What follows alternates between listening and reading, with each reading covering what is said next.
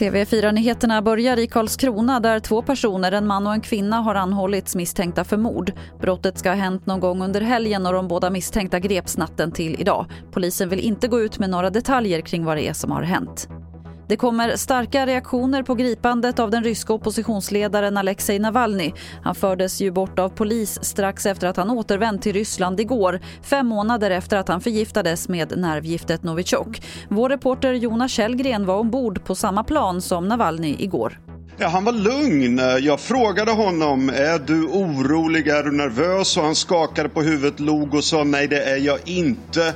Innan han gick av, innan han gick till passkontrollen så sa han också, det här är mitt hemland. Jag skulle alltid återvända hit och här finns det inget för mig att frukta. Ryssland är mitt hemland. Och vi avslutar med något helt annat, nämligen att det åts glass som aldrig förr i Sverige förra året. Till exempel såldes det 14 miljoner glassbåtar och det är en ökning med 40% jämfört med 2019. Och en av förklaringarna till det ökade glassätandet tros vara coronapandemin. Att vi unnar oss något i oroliga tider samtidigt som vi tillbringar mer tid hemma. Det var det senaste från TV4 Nyheterna. Jag heter Lotta Wall.